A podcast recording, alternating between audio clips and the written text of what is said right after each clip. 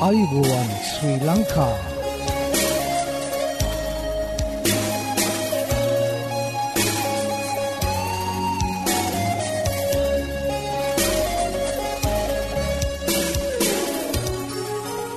ඔබට සුපදස මේ ඇඩවෙන්ටිස් වර්ල් රේඩියෝ බලාපොරොත්වය හඬයි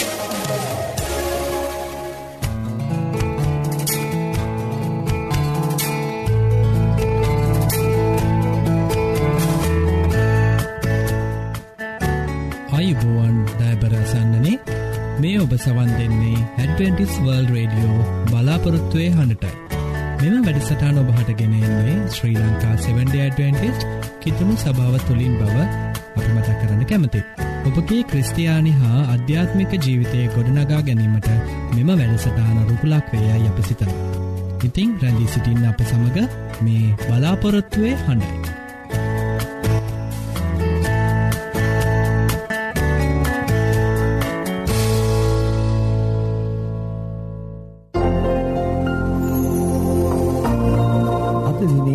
බයිබල් පාටය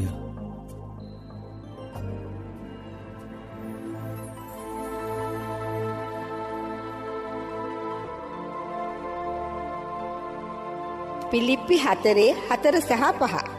ස්වාමිනාන්සේ තුළ නිතරම ප්‍රීතිවැල්ලා. ප්‍රීතිවැල්ලා යයි නැවතත් කියමි. උඹලාගේ ඉවසිලිවන්තකම සියලු මනුෂ්‍යයන්ට දැනගන්නට ලැබේවා.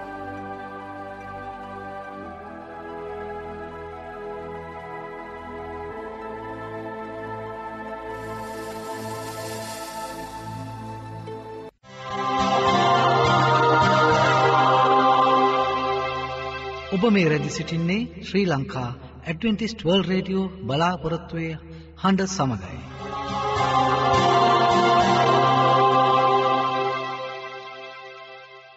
ධෛර්ය බලාපොරොත්තුව ඇදහිල්ල කරුණාවස ආදරය සූසම්පති වර්ධනය කරමින් ආශ් වැඩි කරයි. මේ අත්හදා බැලිමිට ඔබ සූදානන්ද එසේනම් එකතු වන්න. ඔබත් ඔබගේ මිතුරන් සමගින් සුවසතර පියමත් සෞඛ්‍ය පාඩම් මාලාවට. මෙන්න අපගේ ලිපිනය ඇඩවෙන්ඩිස් වල් රේඩියෝ බලාපොරොත්තුවේ අඩ තැපැල් පෙටිය නම්සේ පා කොළඹ තුන්න. නැවතත් ලිපිනය ඇඩවෙන්ටිස් වර්ල් රේඩියෝ බලාපොරොත්තුවේ හඬ තැපැල් පෙට්ටිය නමේ බිඳුවයි පහ කොළඹ තුන්න.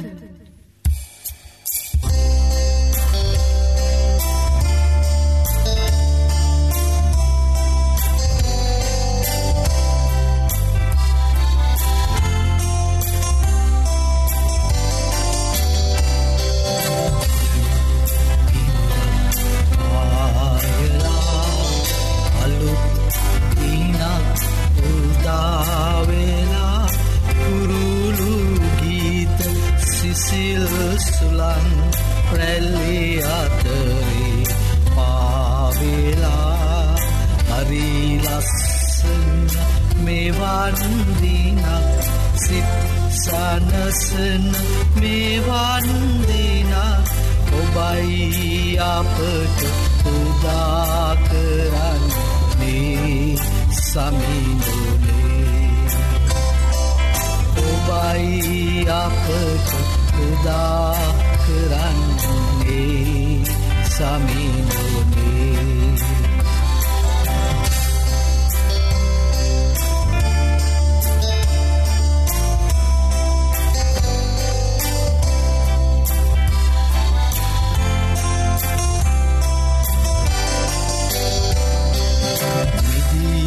මගේ වැඩ සියල් සතුටු සිනා කඳුළුමෙන් මෙදීන මගේ වැඩ සියල් සතුටු සිනහා කඳුළුමෙන්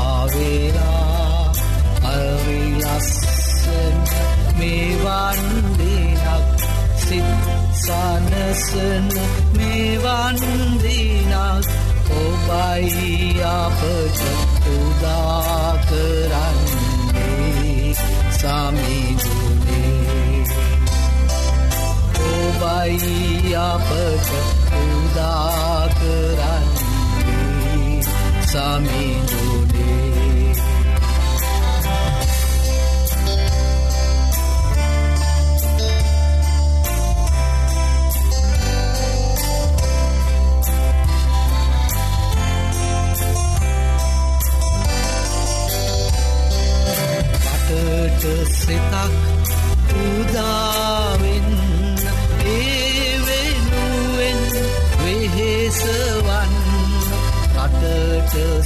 සිතක් උදාවෙන් ඒ වෙනුවෙන් වෙහෙසවන් උදාව දෙනු මැනේ. සමීදෙ උදාව දෙනු මැනේ. පෙරක් පායලා අලුත් දිනක් ඔදාවෙලා කුරුළු ගීත සිසිල් සුළං රැලි අතරේ පාවෙලා. හරි ලස්සන මෙවන් දිනක් සිත් සනසන මෙවන් දිනක් ඔබයි අපට උදා කරන්නේ සමිඳුනේ बाया रामे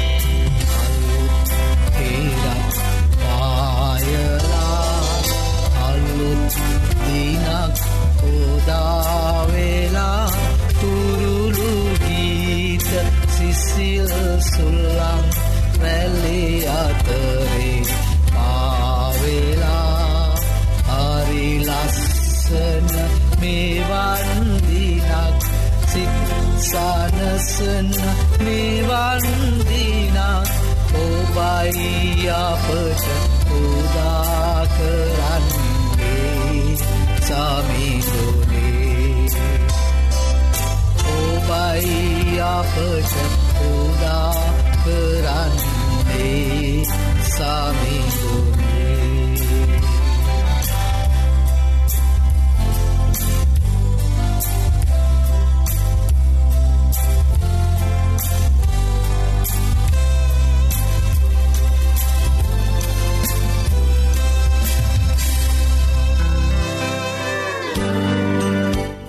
ආයුබෝවන් මේ ඇඩ්වෙන්ටිස් වර්ල්ඩ් රේඩියෝ බලාපොරොත්තු වෙන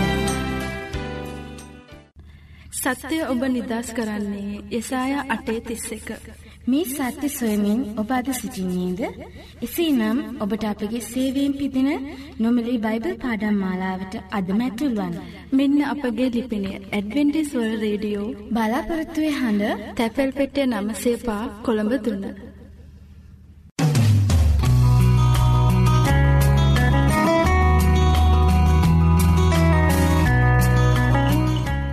ඉතින් අසන්නනී. ඔබලාට ස්තුතිවන්ත වෙනවා අපගේ මෙම වැඩසටාන් සමඟ එක්වී සිටීම ගැන. ඇතින් අපි අදත් යොමුුවමෝ අපගේ ධර්මදේශනාව සඳහා. අද ධර්මදේශනාව ඔබහටගෙනෙන්නේ විලීරීත් දේවගෙදතුමා විසින්. ඉතින් ඔහුගෙනන ඒ දේවවාක්‍යයට අපි දැන් යොමු පැඳි සිටින්න මේ බලාපොරොත්තුවය හඬ.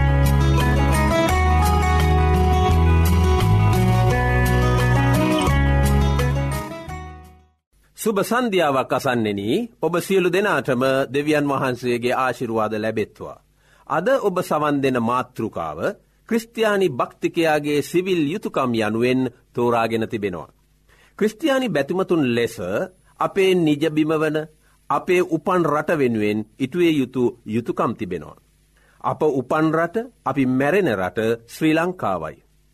රටේ සියලු දෙනාගේම යහපත සඳහා ආගම් බෙහෙද ජාති බෙහෙද කුල බෙහෙද නොතකා ඉන්දියන් සාගරයේ මුතු ඇටය ඉන්දියන් සාගරයේ පාරාදීශය යනුවෙන් හැඳින්වෙන ශ්‍රී ලංකාව ගොඩ නැංවීපට ක්‍රස්ටයානි පුරවැසයාගේ යුතුකම් මොනවාද.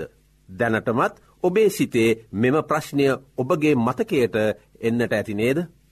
අපගේ අධ්‍යාත්මික මානසික ශාරීරික සහ සමාජීය ජීවිතයට මඟ පෙන්වන සුද්ද බයිබලය අපට මේ ගැන පැහැදිලි කරදීමක් කර දෙනවා. අපේ ජීවිතයට ආදාළ ප්‍රතිපත්ති ගුණධර්ම සුද්ද බයිබලයේ දෙවියන් වහන්සේ අපට පෙන්වාදී තිබෙනවා. යහපත් ක්‍රස්ටයානි පුරවැසියකු වශයෙන් අපි පිළිපැදී යුතු ප්‍රතිපත්ති තිබෙනවා. පළමු කොටම අපි සිතේ තබාගතයුතු කරුණ නම් රාජ්‍යවල් පිහිටවන්නේත් ඒවා ඉවත් කරන්නේත් දෙවියන් වහන්සේ බව. දානියල්ගේ පොතේ දෙවැනි පරිච්චේදේ විසියක්කෙනි පදය දෙස අපගේ සිත යොමු කරමු. කාලවල්ද ප්‍රස්ථාවල්ද වෙනස් කරන්නේත් රජවරුන් පහ කරන්නේත් රජවරුන් පත් කරන්නෙත් ප්‍රඥාවන්තයන්ට ප්‍රඥාවද නුවන ඇත්තන්ට දැනුමද දෙන්නේත් උන්වහන්සේය. එහින් රටටත් රාජ්‍යනායකෙන්ටත් රාජ්‍ය පාලකයන්ටත් ගෞරුවය කිරීම වැදගත් බව බයිබලය පවසනවා. එසේ නම් ක්‍රස්ටයානි බැතිමතුන් බයිබලේ ඇති ප්‍රතිපත්ති රාමුව තුළ රජයට ආණ්ඩුවට යටත් විය යුතුයි. රෝමරුන්ගේ පොතේ දොළොස්වනි පරිච්චේදේ පළවෙනි වගන්තියේ අපෝස්තුළු පවුල්තුමා මෙන්න මේ විදිහට ඒ සිවිල් නීතිරීති පිළිපැදීම ගැන සඳහන් කරතිබෙනවා. සැම දෙනාම බලයලත් මුලාදෑනින්ට යටත් වෙත්වා. මෙතන බලයලත් මුලෑදානින් යනුවෙන් අදහස් කරන්නේ රාජ්‍ය පාලකයන් සහ ආණ්ඩුවේ බලධාරීන් යනුවෙන්ය. යම් පුරවැසියෙක් රාජ්‍ය පාලකයන්ට විරුද්ධව සිටිත් නම්. එවැන් තැනැත්තා දෙවියන් වහන්සේගේ නියෝගවලටද විරුද්ධව සිටි. එසේ විරුද්ධව සිටින්නා තමුන් පිටට දඩුවම් පමුණවාගන්නා බව රෝමපොතේ දොළොස්වනි පරිච්චේදේ දෙවැනි වගන්තයේ සඳහන් කරතිබෙනවා. එපමනක් නොව ක්‍රස්ටයානි පුරවැසියන් ලෙස රාජ්‍යනායකයන්ට සහ රාජ්‍ය නීතිවලට ගරු කරන අය විය යුතුයි. යහපත් හැසිරීමක් සහ අධිපතීන්ට යටත්වීම ක්‍රස්ටයානි පුරවැසියා තුළ තිබිය යුතු ගුණධර්මයක් ලෙස අපෝස්තුළු පේත්‍රස්තුමා එතුමාගේ පොතේ පළවිනි පේත්‍රස්ගේ පොතේ පළවෙනි පරිච්චේදය දෙවනි පරිච්චේදේ දහතුන්ගනි වගන්තියේ මෙන්න මේ විදිහට ඔහු සඳහන් කර තිබෙනවා. උත්තමයාව සිටින රජුට වේවා ආණ්ඩුකාරයන්ට වේවා සියලු මනුෂ්‍ය නියෝගවලට ස්වාමින් වහන්සේ නිසා යටත් වෙන්න. එසේය ඔබලා නිදහස් අය නුමුත් ඒ නිදහස නපුරට වැස්මක් කොට නොව දෙවියන් වහන්සේගේ දාසයන් මෙන් ව්‍යවහාර කරන්න. අපට රටේ නිදහස තිබුණට ඒ නිදහස තුළින් රාජ්‍ය නියෝග කඩකිරීමට හෝ රාජ්‍ය විරෝධී වැඩකටයුතුට යෙදීම ක්‍රස්තියානි භක්තිකයාට යුතුකාරණයක් නොවෙයි. තවදුරටත් පේත්‍රතුමා මෙසේ පවසනවා. සියල්ලන්ටම ගෞරවය කරන්න. සහෝදර සමාගමට ප්‍රේම කරන්න. දෙවියන් වහන්සේට බයව සිටින්න රජ්ජුරුවන්ට ගෞරය කරන්න. යහපත් ක්‍රස්තියානි පුරවැසියන් ලෙස සියල්ලන්ටම ගෞරය කරන්න යනුවෙන් එම පදේ සඳහන් කර තිබෙනවා. අපේ රටේ විවිධ ජනවාර්ගික පුරවැසියන් සිටිනවා. නොෙක් ආගම් අදහන පුරවැසියන් සිටිනවා. ඔවුන් නොෙක් සිරිත්විරිත් අනුගමනය කරනවා. ක්‍රස්තියානි පුරවැසියෙක් ලෙස ඔවුන්ගේ අදහස්වලට ආගමික සිරිත්විරිත්වලට ගරුකිරීම ඉතාමත්ම වැදගත් කාරයක් වෙනවා. එක් එක් කෙනාගේ පුද්ගලිකත්වයට ක්‍රස්තියානි පුරවැසියා ගරු කිරීම යහපත් ක්‍රියාවක් වන්නේය. සියලු දෙනා සමගම සාමයෙන් සතුටින් ජීවත්වීම ක්‍රස්තියානි පුරවැසියාගේ පරම යුතුකමක් වන්නේය. දෑබරසන්නෙන මේ යුතුකම ඔබ පැහැරහරිනවාද එසේ නැත්තම් මේ යුතුකම සුද්ද බයිබලය කියා තිබෙන පරිදි ඔබ ඉෂ්ට කරනවාද කියලා දැන් ඔබගේ සිතින්වීම සාබලන්න. දෙවියන් වහන්සේගේ ආග්ඥාපනත් රක්ෂා කරනවාසේම ක්‍රිස්තියානි පුරවැසියා රාජ්‍ය නීති ආරක්ෂා කිරීමත් ඔවුන්ගේ වගකීමක් වන්නේය. දේශනාකාරයගේ පොතේ මේ බව අටවෙනි පරිච්චේදේ දෙවැනි පදය මෙන්න මෙසේ ලියා තිබෙනවා. රජුගේ ආග්ඥා රක්ෂා කරන්ට නුඹ දෙවියන් වහන්සේට දියුරුම් දුන් නිසා එසේ කරන්නට අවවාද කරමි. දෙවියන් වහන්සේගේ ආග්ඥා පවත්වන්නෝ ධර්මිෂ්ට ජීවිතයක් ගත කරනවා. සමාජ ධර්මිෂ්ට නම් රටද සපලමත් වනවා. සොළමන් රජතුමා හිතෝපදේශ පොතේ දාහතරනි පරිච්චේදේ තිස් හතරවෙනි පදේත් මෙන්න මේ විදිහට ඔහු ලියාතිබෙනවා. ධර්මිෂ්ඨකම ජාතියක් උසස් කරයි. එහෙත් කවර සෙනග වුවත් පාපය නින්දාවක්්‍ය. ක්‍රිස්තුස් වහන්සේ තුළ ඇදහිල්ල කරනකොටගෙන අපි ධර්මිෂ්ට කරනු ලබනවා. උන්වහන්සේගේ ආග්ඥාපනත් රක්ෂා කරන්න වූ අය ධර්මිෂ්ටියන් බවට යෙසේයගේ පොතේ පනස් එක්වනි පරිච්චේදේ හත්වනි වගන්තියේ සඳහන් වී තිබෙනවා. එසේනම් දෙවියන් වහන්සේ තුළින් ධර්මිෂ්ඨකම ලැබ උන්වහන්සේගේ ආග්ඥා පවත්වමින් ධර්මිෂ්ට ජීවිතයක් ගත කරන අය ධර්මිෂ්ට ක්‍රස්තියානි පුරවැසියන් බවට අපේ රටේ පත්වෙනවා. බොහෝ අවස්ථාවලදී රාජ්‍ය නායකයන්ට දොස් පවරනවා සාප කරනවා. නොමුත් බයිබලය ක්‍රස්තියානි බැතිමතුන්ට මෙන්න මේ විදිහට අවවාදයක් මෝසස්තුමා විසින් ලියාතිබෙනවා. අපි බලමු නික්මයාම පොතේ විසි දෙවැනි පරිච්චේදේ විසි අටවැනි වගන්තිය දෙස. දෙවියන් වහන්සේට දොස් නොකියන්න. නුඹේ සෙනඟගේ අධිපතියාට සාප නොකරන්න. අපි දන්නවා රටක ආණ්ඩුවක ඉන්න ආණ්ඩුවේ බලධාරීන්ට ඒ රටවැසියන්ගේ දේවල් නිසි විදිහට ඉටුවවයේ නැත්තම් සාප කරනවා බැනවදිනවා. නමුත් ක්‍රස්ටයානි පුරවැසියනි දේව වචනය සඳහන් කලා තියෙන්නේ නැවතවරක් මම මතක් කරනවා දෙවියන් වහන්සේට දොස් නොකියන්න නුඹගේ සෙනගගේ අධිපතියාට සාප නොකරන්න. ක්‍රස්තියානි පුරවැසියන් වශයෙන් බලයට පැමිණෙන්න ආණ්ඩුවට යටත්වීම ඔවුන් සතු වගකීමක්ය.